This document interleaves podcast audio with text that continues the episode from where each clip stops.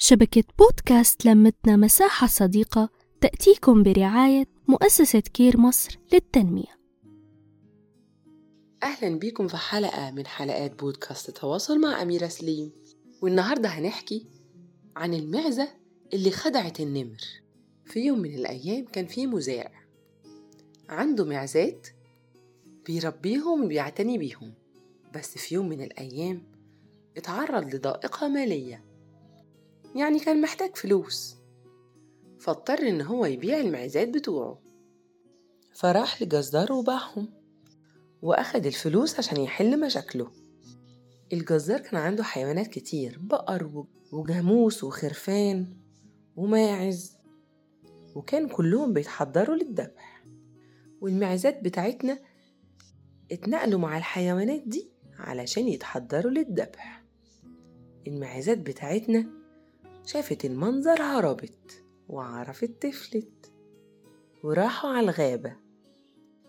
ولقوا شجرة كبيرة ضخمة فيها تجويف كبير.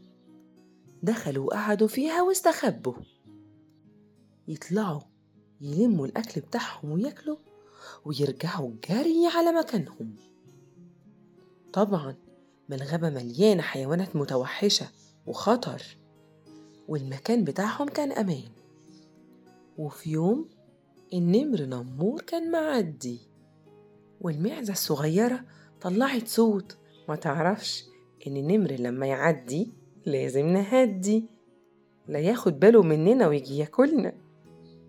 بس المعزة الكبيرة أخدت بالها إن النمر اتخض. فجت لها فكرة إنها تخوفه زيادة. اتقالت بصوت واطي وقوي. أنت انت ما كفكش يا نمور البقرتين اللي انت اكلتهم الصبح على الفطار؟